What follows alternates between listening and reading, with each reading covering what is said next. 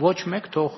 բան սենց խետ հայացքով մեզ չնայ։ MTS Հայաստանի բաժնեմասերի 20%-ը պետությանն է։ Կառավարությունն այսօր ընդունեց ընկերության խոշոր նվերը։ Ընդ որում բաժնետոմսերը վարչապետի աշխատակազմն է կառավարելու։ Մնացել են միայն թղթաբանական հարցերը։ Շուտով պայմանագիր կկնքեն։ Հայաստանի Հանրապետության կառավարությունը շնորհակալությամբ է ընդունում նվիրատվությունը։ Վերջերս սեփականատիրոջը փոխած MTS Հայաստանը պետությանը 20% բաժնեմասեր նվիրաբերելու մասին տեղեկացրեց պետության իրարամերժ որոշումներով ուղեկցված վաճառքի գործընթացի ավարտին։ Սկզբում կարգավորող հանձնաժողովը չէր թույլատրել Viva-ի վաճառքը, պատճառաբանել էին՝ այն կարող է վնասել Հայաստանի ազգային անվտանգությանը կամ պետական շահերին։ Կես տարի անց, սակայն, նույն գնորդի կողմից նույն ընկերությունը ձեռք բերելու հայտը նույն պետական մարմինը բավարարեց ու ոչ մի բացատրություն, թե ինչպես չեզոքացվեցին այդ վտանգները։ Գուցե բաժնեմասերի 20%-ի փոխանցման պայմանով է պետությունը համաձայնել։ Ինչու եւ ինչպես փոխեցին դիրքորոշումը,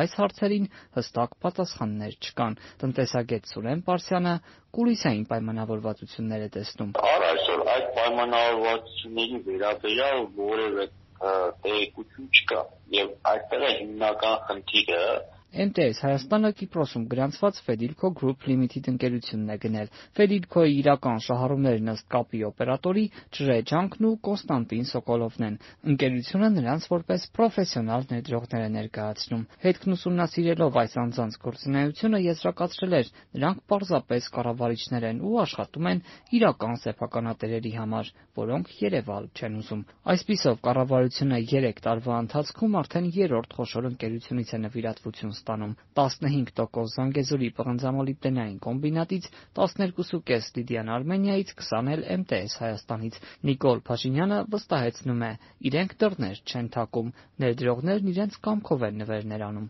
Մենք այդպիսի դեպք չունենք, որ մարդու դուռը ծեծենք, ասենք հարգելի գործարար ներդրող, հիմա քո ունեցածի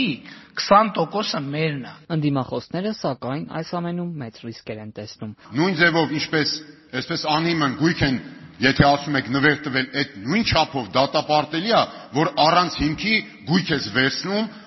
եւ մնացած բոլոր դրա հետևանքներն ու ռիսկերը հաշվի չառնելով։ Ի վերջո դա տեսնում են մեր պոտենցիալ ներդրողները եւ դա մեծ եւ էական ռիսկ է։ Ի տարբերություն վարչապետի վստահեցումների գործադիրում ավելի զգույշ արտահայտվողներ էլ կան։ Ֆինանսների նախարարն օրինակ ընդունում է, խնդրահարույց է, երբ հանրությունն ու ներդրողները տեղյակ չեն լինում, թե ինչպես են նման գործարքներ տեղի ունենում։ Որ եթե հանրությունը տեղյակ չի, թե ինչպես է տեղի ունենում ամեն ինչ,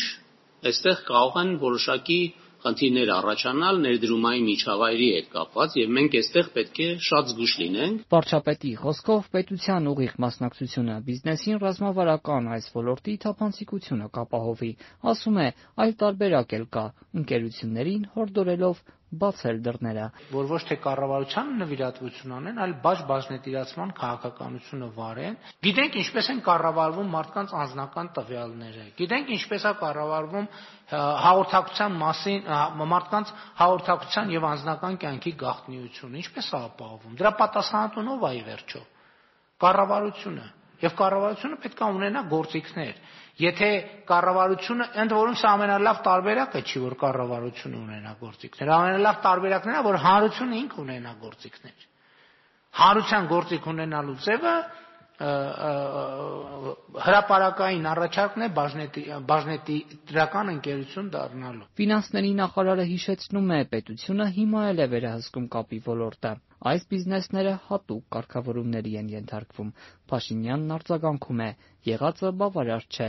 ավելի բարձր մակարդակի թափանցիկություն է պետք։ Կարգավորման եւ թափանցիկության հետ կապված խնդիրները ինչ որ ձևով հասցեագրված են։ Այն թափանցիկությունը, որ կա, դա ձեռնտու չի։